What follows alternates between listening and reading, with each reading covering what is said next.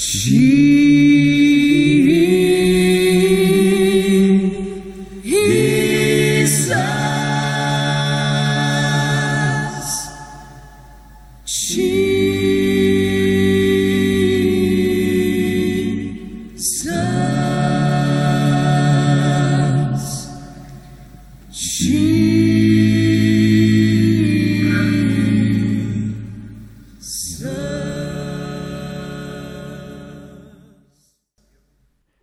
Välkommen med på en spännande resa med Jesuspodden.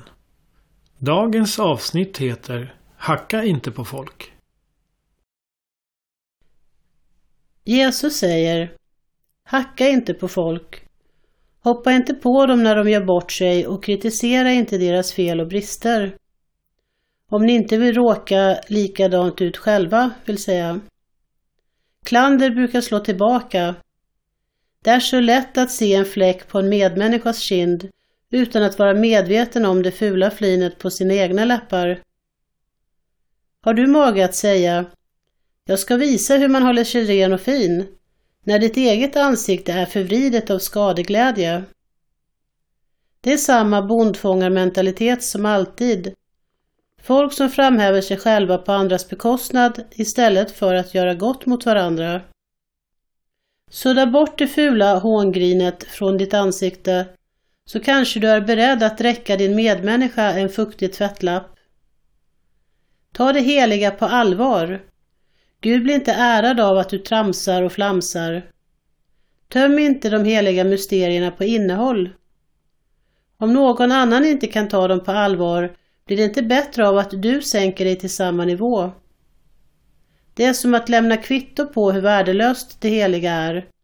Det inbjuder till förakt för allt heligt. Du behöver inte köpslå med Gud. Tala ut rakt på sak. Be om det du behöver. Om ditt barn skulle be om bröd, lurar du då på honom en sågspånslimpa? Om ditt barn ber om fisk, lägger du då fram en levande orm på tallriken för att skrämmas? Människorna är visserligen onda, men så håller de inte på. Ni är åtminstone hyggliga mot era barn. Tror ni då inte att Gud som skapade er av kärlek uppför sig bättre än så? Här har ni en enkel levnadsregel som räcker långt. Fråga dig vad du skulle vilja att andra människor gjorde för dig och ta sedan initiativet och gör samma sak för dem.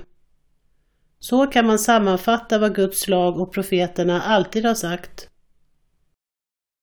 Jesus.